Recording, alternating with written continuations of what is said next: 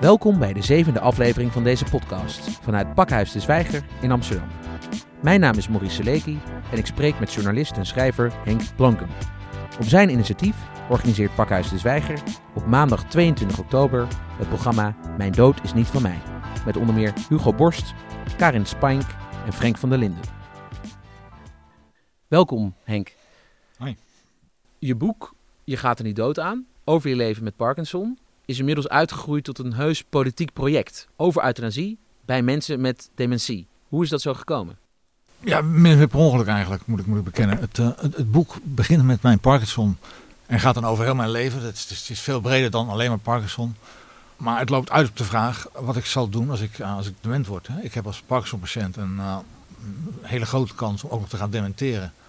Bovendien ben ik mijn hele leven al krankzinnig vergeetachtig. Wat je er elke keer aan herinnert dat dat zo is. Hè, dat, dat die Parkinson tot dementie kan leiden.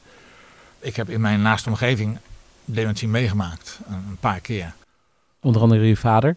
Onder andere mijn vader, die in, de jaren tachtig overleed. Um, heel erg vergeetachtig was. Echt gênant vergeetachtig. In zijn bed plaste, meer, dat soort rare dingen. Maar toen hadden we, toen hadden we nog niet over dementie. Toen zeiden we dat pa kind aan het worden was. Later met, met mijn schoonvader, die in... Um, rond 2000 een, als, als diepdement Alzheimer-patiënt in een inrichting is overleden. En nog wat later met een, een goede vriend van mij, die ik leerde kennen omdat hij Alzheimer had. Joop heet hij. Dus ik heb, het, ik heb het van meegemaakt en het boek mondt uit in de vraag: wat ga ik doen als ik, als ik dement word? Nog even terug naar jouw Parkinson, want je hebt die ziekte gediagnosticeerd gekregen in 2011. Ja. Wat ging er door je heen toen je dat, dat hoorde? Nou, dat, dat, dat gelooft nog steeds bijna niemand en ik heb het al heel vaak verteld. Ik dacht, wat een goed verhaal is dit. Als journalist dacht je dat? Ik zat in een kamertje met, met twee neurologen die me, uh, die me wat oefeningen lieten doen. En ik had zelfs nog steeds niet door dat het, dat het als Parkinson kon zijn. En op een gegeven moment zei, zei de arts, uh, wat denkt u er zelf van? En toen pas drong het me door dat het, dat het waarschijnlijk toch Parkinson moest zijn. Maar in plaats van te denken, oh wat, wat een ellende, wat een, wat een kutleven wacht me nu, dacht ik, wat een mooi verhaal is dit. Dat is de, de volstrekt aan het schrijven verslaafd geraakte uh, journalist. En in die zin was, was je, je beroep misschien ook wel een, uh, een manier om ermee om te gaan en ook een blessing in disguise, zeg maar. Ja, ja tuurlijk. Het is een, uh, je krijgt als journalist niet zo vaak een, een zo goed verhaal in handen als, als zoiets. En van de andere kant, als Parkinson-patiënt heb je niet zoveel kans dat je iets, iets kunt doen waar, waarvoor je aan geknipt bent, hè, wat, wat, je echt helpt. De meeste Parkinson-patiënten hebben dat, hebben dat voordeel niet. Die, moeten hun, hun, oude beroep opgeven en maar zien dat ze de tijd doorkomen. En dat is, dat is, dat is nooit leuk. En ik, ik heb die maar zo gelukkig wel. Henk, op dit moment is de paradox eigenlijk dat als je euthanasie wil als dementerende, je eigenlijk te vroeg dood zou gaan vroeg genoeg om nog volledig bewust te zijn en aanwezig te zijn. Maar te vroeg zou je kunnen zeggen, want als je, ja, laten we zeggen, te ver in het stadium van dementie bent, dan ben je dan nog eigenlijk wel jezelf genoeg om euthanasie te kunnen aanvragen. Ja. Deze paradox, wat is daar aan te doen volgens jou? Nou, misschien even over die paradox. Het is, het is heel simpel. Je moet te vroeg dood als je niet te laat dood wil gaan, omdat op tijd doodgaan niet kan. Dat is de kortst mogelijke manier om het te zeggen. Wat is te laat? Te laat is dat je pas doodgaat als, als de natuur je uiteindelijk dood laat gaan. Hè? Er is geen arts meer die je helpt als je wilsonbekwaam bent en, en diep dement. Ik gebruik die term, maar het, het gaat vooral om die wilsonbekwaamheid. Je kunt niet meer bevestigen dat je, dat je euthanasie wilde. Ook al heb je het vroeger, ooit, toen je nog wel helder was, in een wilsverklaring vastgelegd. Zodra je diep dement bent, betekent die wilsverklaring helemaal niks meer. Wel juridisch, want het mag van de wet, maar artsen doen het niet, want maken geen mensen dood die, die niet meer weten wat doodgaan is niet meer weten wat leven is, die überhaupt niks meer weten. Dan moet je dus te vroeg dood. Wat betekent dat je zo snel mogelijk, dat je hoorde dat je aan het dementeren bent, naar je huisarts moet gaan en moet zeggen: dokter, mag ik alsjeblieft euthanasie hebben, want ik wil niet zo diep dement eindigen. Wat er dan gebeurt is dat je een, uh, in, in, een groot aantal gevallen de beslissing neemt om, om een paar jaar uh, op te geven of een paar maanden. Uh, en het is natuurlijk een krankzinnige bes beslissing. En ik vind het bijna vreed van, van deze samenleving dat wij tegen, tegen mensen die dement worden zeggen. Je moet om vijf voor twaalf, zo heet het dan bij, bij, de, uh, bij de deskundigen. Je moet om vijf voor twaalf doodgaan als je niet te laat dood wil gaan. Maar vijf voor twaalf is niet vijf minuten, dat, dat kan wel drie jaar zijn. En dat vind ik vreed, ik vind dat dat niet kan. En dat, dat komt alleen maar omdat op tijd doodgaan, het moment waarop je eigenlijk dood wilde gaan, zoals je dat vast hebt gelegd in je wilsverklaring, dat is het moment waarop je diep dement bent inmiddels. En dan, dan doen een arts het niet meer. Wat ik me overigens van die artsen heel goed kan voorstellen. Waar zie je de oplossing? Nou, dat, dat begint ermee dat we anders gaan nadenken over dat dilemma. Dat we niet meer als een, als een voldongen feit accepteren dat, dat artsen het niet doen. En dat dus niemand anders het kan doen. De, de wet zegt dat alleen artsen euthanasie mogen verlenen. Wat ik me ook best kan voorstellen. Maar als dat tot deze situatie leidt, vind ik het niet acceptabel. Dus daar moet, moeten we het begin eens over gaan praten. En we moeten Nederlanders beter gaan informeren over wat wel en wat niet kan. De uiteindelijke oplossing is volgens mij dat niet een arts een diepdemente alleen mag doodmaken. Laten we wel wezen dat wat er gebeurt. Je kunt, je kunt er allerlei eufemismen bij bedenken, maar het gaat gewoon om het doodmaken van een andere mens. Maar dat je als demente in je wilsverklaring opneemt dat je je lot in handen legt van een naaste. Dus geen arts, maar een naaste. En op het moment dat jij dood had willen gaan, zoals je dat omschrijft in je, in je wilsverklaring. Als ik mijn kinderen niet meer herken, als ik naar een verpleeghuis moet, als ik, als ik voor iedereen zichtbaar um, niet meer gelukkig ben. Dan zou een naaste dus moeten kunnen besluiten dat je, dat je euthanasie krijgt. Dan hebben we het over de naaste die dat besluit, maar niet de naaste die dat uitvoert. Dan blijft de uitvoering nog wel bij de, de medische wereld liggen. Nou ja, in, in het uiterste geval zou, zou het allebei mogelijk moeten zijn. Het zijn twee juridisch totaal verschillende situaties. Hè. Als je het wil uitvoeren als, als naaste, dan zegt om te beginnen iedereen van ben je nou helemaal gek geworden. Dat, dat kan je toch niet aan, aan een naaste vragen. Daar zijn ook een aantal geruchtmakende rechtszaken over geweest. Hè? De zonen die hun moeder op verzoek eh, hebben ja, geëuthaniseerd. Ja. ja. Nou, alleen ging het ook niet, niet om mensen die dement waren. Ja. Dat is nog wel een verschil. Maar ik, ik kan me, principieel vind ik dat je in staat zou moeten zijn, of dat het wettelijk zo geregeld zou moeten zijn dat je het, het zelfbeschikkingsrecht, zoals dat heet, kunt overdragen aan een ander. Met alles erop en eraan. Dat is wat ik principieel vind. In, in Nederland hebben we het al 45 jaar over dat zelfbeschikkingsrecht. Dat is de, de grond waarop de hele euthanasiediscussie is gevoerd. Maar het idioot is dat dat zelfbeschikkingsrecht niet in de wet staat. Want over de wet gesproken, hè? het gaat al hier om de euthanasiewet uit 2002, die we in Nederland hebben aangenomen. En eigenlijk zou dit een soort amendement zijn op die wet wat jij voorstelt. Ja, misschien dat dat kan. Ik, ik heb er juridisch niet zo ver over doorgedacht dat ik ook al een wetsontwerp klaar heb liggen. Maar het hangt vanaf wat je wil. Als, ik wil dat, dat, dat mijn vrouw de mogelijkheid moet hebben om mij een pil te geven. Dat, dat lijkt me gewoon de meest ideale manier om, uh, om eruit te gaan. Als het dan toch moet, doe het dan maar stiekem. Laat me het dan vooral niet weten. Want als ik diep dement ben, raak ik helemaal van, van, van de kook. Dat, uh, dat schiet niet op. Om dat mogelijk te maken zou niet alleen hulp bij zelfdoding uit het wetboek van strafrecht moeten verdwijnen, artikel 294. Maar ook doden op verzoek, is artikel 293. En dat is nogal wat natuurlijk. Dat is een, een mijl op zeven. Voordat we zover zijn. Maar dat is wat er juridisch zou moeten gebeuren. Juridisch gebeuren, maar dat betekent dat het via de politiek moet worden gespeeld. Ja. Om het uh, juridisch te kunnen veranderen. Uh, je wilde hier heel graag over spreken met Pia Dijkstra, Tweede Kamerlid van D66. Zij is een voorvechter van de verruiming van de euthanasiewet met haar initiatiefwet Waardig Levenseinde. Heb je haar inmiddels al gesproken? Ja, ik ben bijna geweest in de Tweede Kamer. We hebben een, een tijdje met haar zitten praten. En ze is, uh, ja, god, ze, ze is zo'n voorvechter van het principe. Want zij is trouwens ook de initiatiefnemer van de donorwet die ze er doorheen heeft gekregen. Ja, zeker. En ze is ook initiatiefnemer van de Voltooid Levenwet. Die, die weer over een heel ander element gaat in de euthanasiediscussie. Je mag als, als ouderen zeggen, ik ben er gewoon klaar mee, ik wil eruit. En mag je dan hulp krijgen van de staat? Pia Dijks is een groot voorvechter van het, wat we als D66 aanhang, of wat de D66 aanhang ziet als, uh, als de vervulling van het zelfbeschikkingsrecht. Maar ze heeft te maken met een kabinet waar ook nog wat andere partijen in zitten die er niets voor voelen. Ik hoop dat ze, als, als we dit idee verder uitwerken, het, principe verder uitwerken, dat je je zelfbeschikkingsrecht moet kunnen delegeren. Als je dat doorwerkt in zijn consequenties, ik hoop dat ze daar op een gegeven moment achter gaat staan.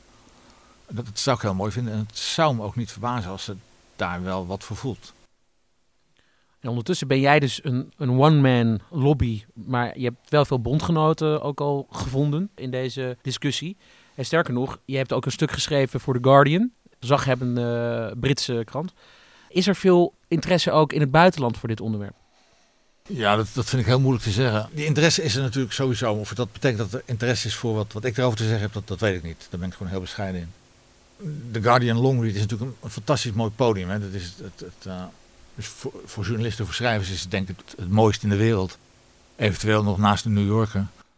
Maar ook omdat, omdat je echt de diepte in kunt gaan en alle nuances en alle overwegingen erin mee kan nemen. Omdat de ruimte er ook is. Ja, precies. Maar of dat nou veel gelezen wordt of, of veel, veel respons krijgt, dat, dat weet ik niet. Ik bedoel, natuurlijk zijn er heel veel reacties op, maar ja, de Guardian is zo groot. Ik, ik weet niet wat veel is.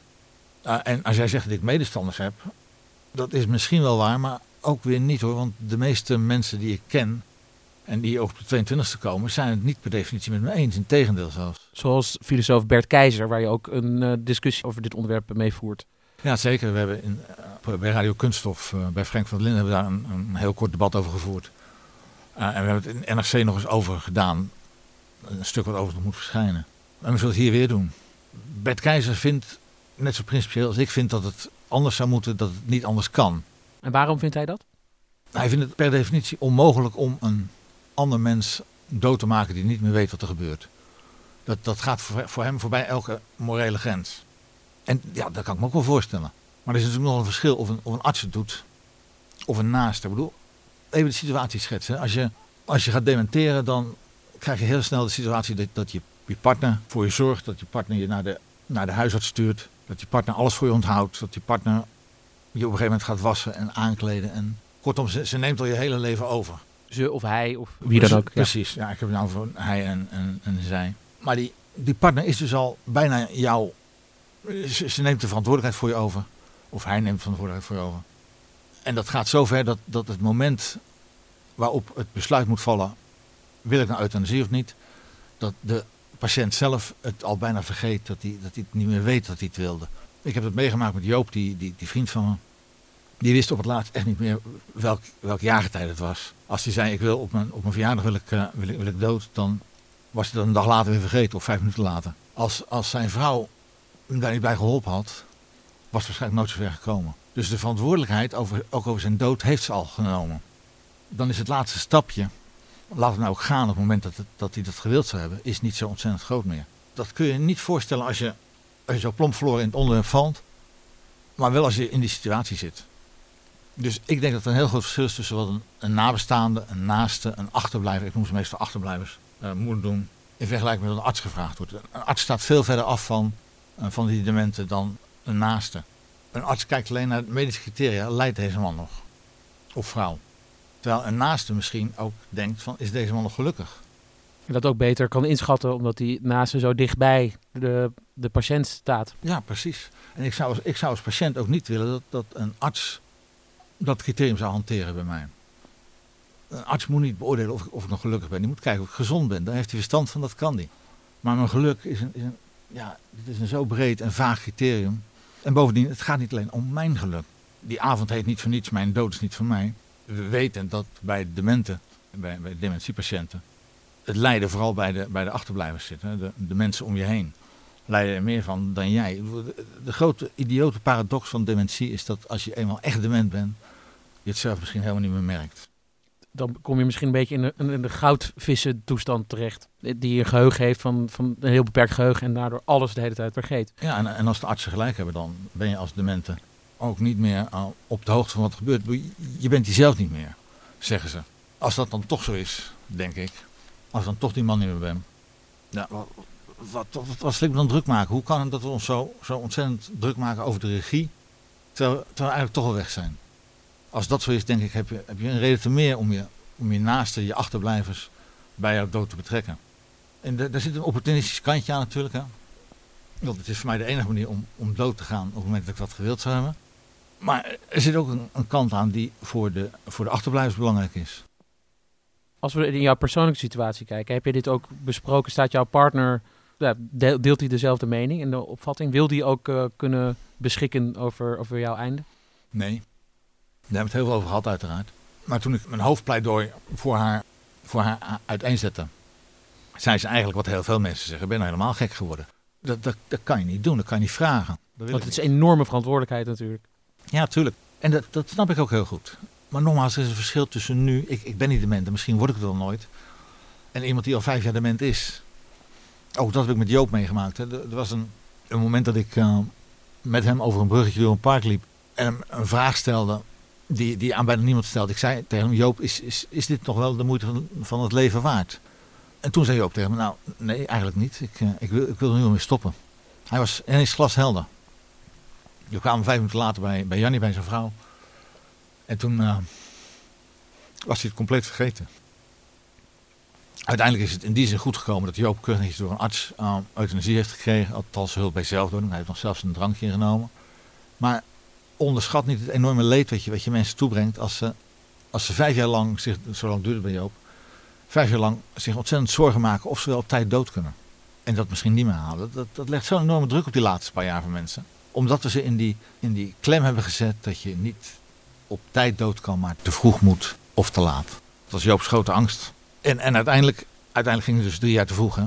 Toen hij uiteindelijk doodging, 8 mei uh, vorig jaar, toen wist Jannie dat hij nog best een jaar of twee, drie had kunnen blijven. Nou, moet je, moet je dat voorstellen wat je dan iemand vraagt. En dat is, want die begon over mijn, mijn echtgenote. Dat is een heel andere situatie dan, dan waarin mijn echtgenote en ik nu zitten. Dat is, dat is een theoretisch discours wat, wat ver afstaat van, van de werkelijkheid. Wat ook heel normaal is, wat heel goed is. Maar zij zal niet degene zijn die de pil in mijn pap doet, denk ik. Dat kan ze niet, dat is gewoon te veel gevraagd. Is te moeilijk, is te, te verantwoordelijk. Maar ze wil misschien wel iets anders doen. Ik kan me goed voorstellen dat, dat op het moment dat ik, dat ik diep dement ben, op, op tijd doodgaan wil zeggen, ik ben diep dement, ik weet het zelf toch niet meer. Uh, dus, dus doe maar. Ik kan me heel goed voorstellen dat een arts dat op dat moment niet meer doet. Want hoe moet een arts nou in vredesnaam beoordelen dat ik, uh, dat ik leid? Hij, moet, hij moet medisch toetsen of ik ondraaglijk leid. Ja, ik, ik kan best elke dag gezellig in, in, in de plantenbak zitten te vissen. Want even voor de goede orde, als je dement bent, dan kun je fysiek gezien, zeg maar puur medisch gezien, kan je nog eenmaal, eenmaal in goede conditie zijn. Maar je, je, hebt gelijk, als je, als je ook een diepdemente... Die kan dus fysiek kerngezond zijn. Ja, niet alleen gezond, hij kan ook waarschijnlijk nog gelukkig zijn. Alleen is het een situatie die hij zelf nooit gewild zou hebben. En, en dat is die paradox waar ik net al over had. Hij, hij komt in een situatie waarvan hij van tevoren zei, ik wil het niet meer. En van tevoren kon een arts zich daar nog in verplaatsen. Ik kon nog, kon nog tot de conclusie komen dat die, dat die man leidt onder het vooruitzicht ooit te gaan lijden. Terwijl als hij zover is, als hij diepdement is, dan weet hij het zelf niet meer en zegt de arts, nou kan ik het niet meer doen. Het leidt wel tot, tot, een alternatief. Hè? Want als, als die arts nou niet meer kan bepalen of ik ondraaglijk leid, dan, dan vervalt als daar dat, dat, criterium. En dan is er voor mij nog maar één weg, dat is doorleven tot, totdat ik uh, als een zombie in bed lig en, en niks meer weet. Tenzij ik in een wilsverklaring mijn arts of mijn partner vraag namens mij te bevestigen dat ik op dat moment dood wil. Het is nu zo in de, in de euthanasiewet dat uh, achterblijvers, naasten, partners geen enkele rol hebben bij het besluit om euthanasie te geven. Dat is een besluit van de arts. Vier op de tien Nederlanders denken dat ze, dat ze er iets over te zeggen hebben, maar dat is gewoon niet zo. Nou, stel je nou toch voor dat je in een wilsverklaring kunt zeggen: Ik wil dat mijn naaste op een, op een juridisch dichtgetimmerde wijze tegen een arts kan zeggen: ja, hij heeft dit zo gewild, ja, hij wil het nu. Dus dan bepaalt ze alleen maar het moment en is de arts nog steeds degene die besluit of hij het doet of niet. Wat ik hoop is dat artsen dan zeggen, althans dat een aantal artsen dan zeggen: het is goed, ik doe het nog. Weliswaar heeft de patiënt zelf maar niet meer kunnen bevestigen dat, dat, hij dood wilde, maar zijn partner heeft van hem de opdracht of de, um, de vraag gekregen: wil jij het bevestigen? En dat is voor mij ook voldoende als arts. Want als we nog even op de artsen toespitsen, heb je hier ook met medici over gesproken? Ik heb het er met Bert Keizer over gehad, uiteraard. Die niet gelooft dat dit gaat helpen. Die, die, laatste, die laatste omweg. Maar ik wil het wel eens onderzocht zien. Dat is wel het minste dat ik wil bereiken. Dat, dat is gaan peilen of dat nou echt zo is. En, en vergis je niet, we hebben in Nederland uh, de WGBO, dat is de Wet op de Geneeskundige Behandelingsovereenkomst. Waarin staat dat je als partner van een, een wilsonbekwaam patiënt een behandeling mag laten stoppen. Elke patiënt heeft het recht in Nederland volgens die WGBO om te zeggen: ik wil geen insuline meer als ik suikerziekte heb. Ik, ik wil geen behandeling meer tegen longontsteking. Dat mag je als, uh, ook als nabestaande, als, als achterblijver van een arts verlangen, ook als je dement bent. Ook als de patiënt dement is. En dat leidt ertoe dat de patiënt overlijdt. Alleen twee weken later. Het, het verschil tussen dat besluit, behandel mijn vader maar niet meer, of behandel mijn, mijn man maar niet meer, en geef hem nu die euthanasie die hij zo graag wilde. Dat is misschien te overbruggen.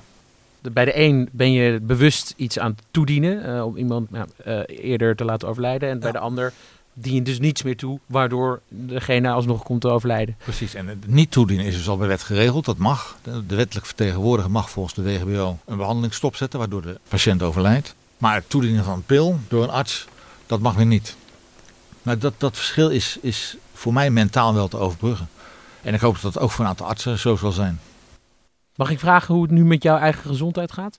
Ja, god, wat zou ik daarover zeggen? Ik heb vanochtend nog uh, anderhalf kilometer of twee kilometer gelopen, wat uh, heel goed ging. Met een stok weliswaar. Ik kom soms wat moeilijk uit mijn woorden. Als ik uh, deze dag erop zit, ben ik de komende drie dagen weer een, weer een wrak. Met, met, met nog veel meer pijn dan ik, dan ik nu al heb. Ja, god, het, het, het is goed te doen. Daar komt het eigenlijk op neer. Ga jij je de komende jaren op dit project richten? Of zijn er nog andere plannen? Nou, om heel eerlijk te zijn was ik het niet van plan. Ik heb zelfs begin dit jaar tegen mijn echtgenote gezegd: uh, Sandra, ik, ik, ik hou me op. Ik, uh, ik, ik, stop ermee met al dat, uh, al dat lezen en, um, en schrijven en, en nadenken over euthanasie. Want het komt zo langzamerhand wel een beetje dichtbij. Het, weet je, ik, ik heb nu zeven jaar Parkinson. Ik heb vorig jaar een, een, een maand lang in een kliniek gezeten met andere Parkinson-patiënten die er nog veel erger aan toe waren dan ik. En als je dat ziet, dan, dan denk je ook van: mijn god, als ik, als, ik, als ik ook zo ziek word, dan hoef ik niet eens meer dement te worden. Dan hou ik ook mee op het, het komt nu wel wat dichtbij. En daarom zei ik van, ik, stop ermee, ik, doe het niet meer. Maar god, dan, dan is het toch weer sterker dan ik, dan ik zelf ben. Dan geeft schrijven mij zoveel plezier dat het, dat het vanzelf gaat. En dan, dan doe ik het toch. Want laten we het daar nog eens over hebben. Jouw schrijven, dat is ook een uh, reddingsboei in jouw leven. Want je bent heel lang journalist geweest. Bent het nog steeds. Uh, je hebt bijvoorbeeld uh, jarenlang voor de Volkskrant geschreven. In hoeverre heeft jouw ziekte Parkinson jouw werkzaam leven beïnvloed? Kun je ook fysiek nog schrijven? Ja, gek, gek, genoeg nu weer wel. Dat, dat, uh, in het begin van de ziekte ging het heel moeilijk. Uh, deed, deed mijn hand zulke rare dingen, vooral mijn linkerhand zulke rare dingen, dat, dat schrijven echt een probleem werd. Maar dat symptoom is weer verdwenen, er komen andere symptomen voor in de plaats. Ik, bedoel, ik, val regelmatig. Ik val van mijn fiets, ik, uh, ik, ik struikel over een tafel en dat is, dat, dat, is, dat, is niet, dat is niet best. Maar daar kun je heel goed mee schrijven. Zolang ik nou maar thuis in de tuin zit en in, in de zon zit, en geen mensen om me heen heb. Want daar word ik van, van mensen word ik... Uh, afgeleid?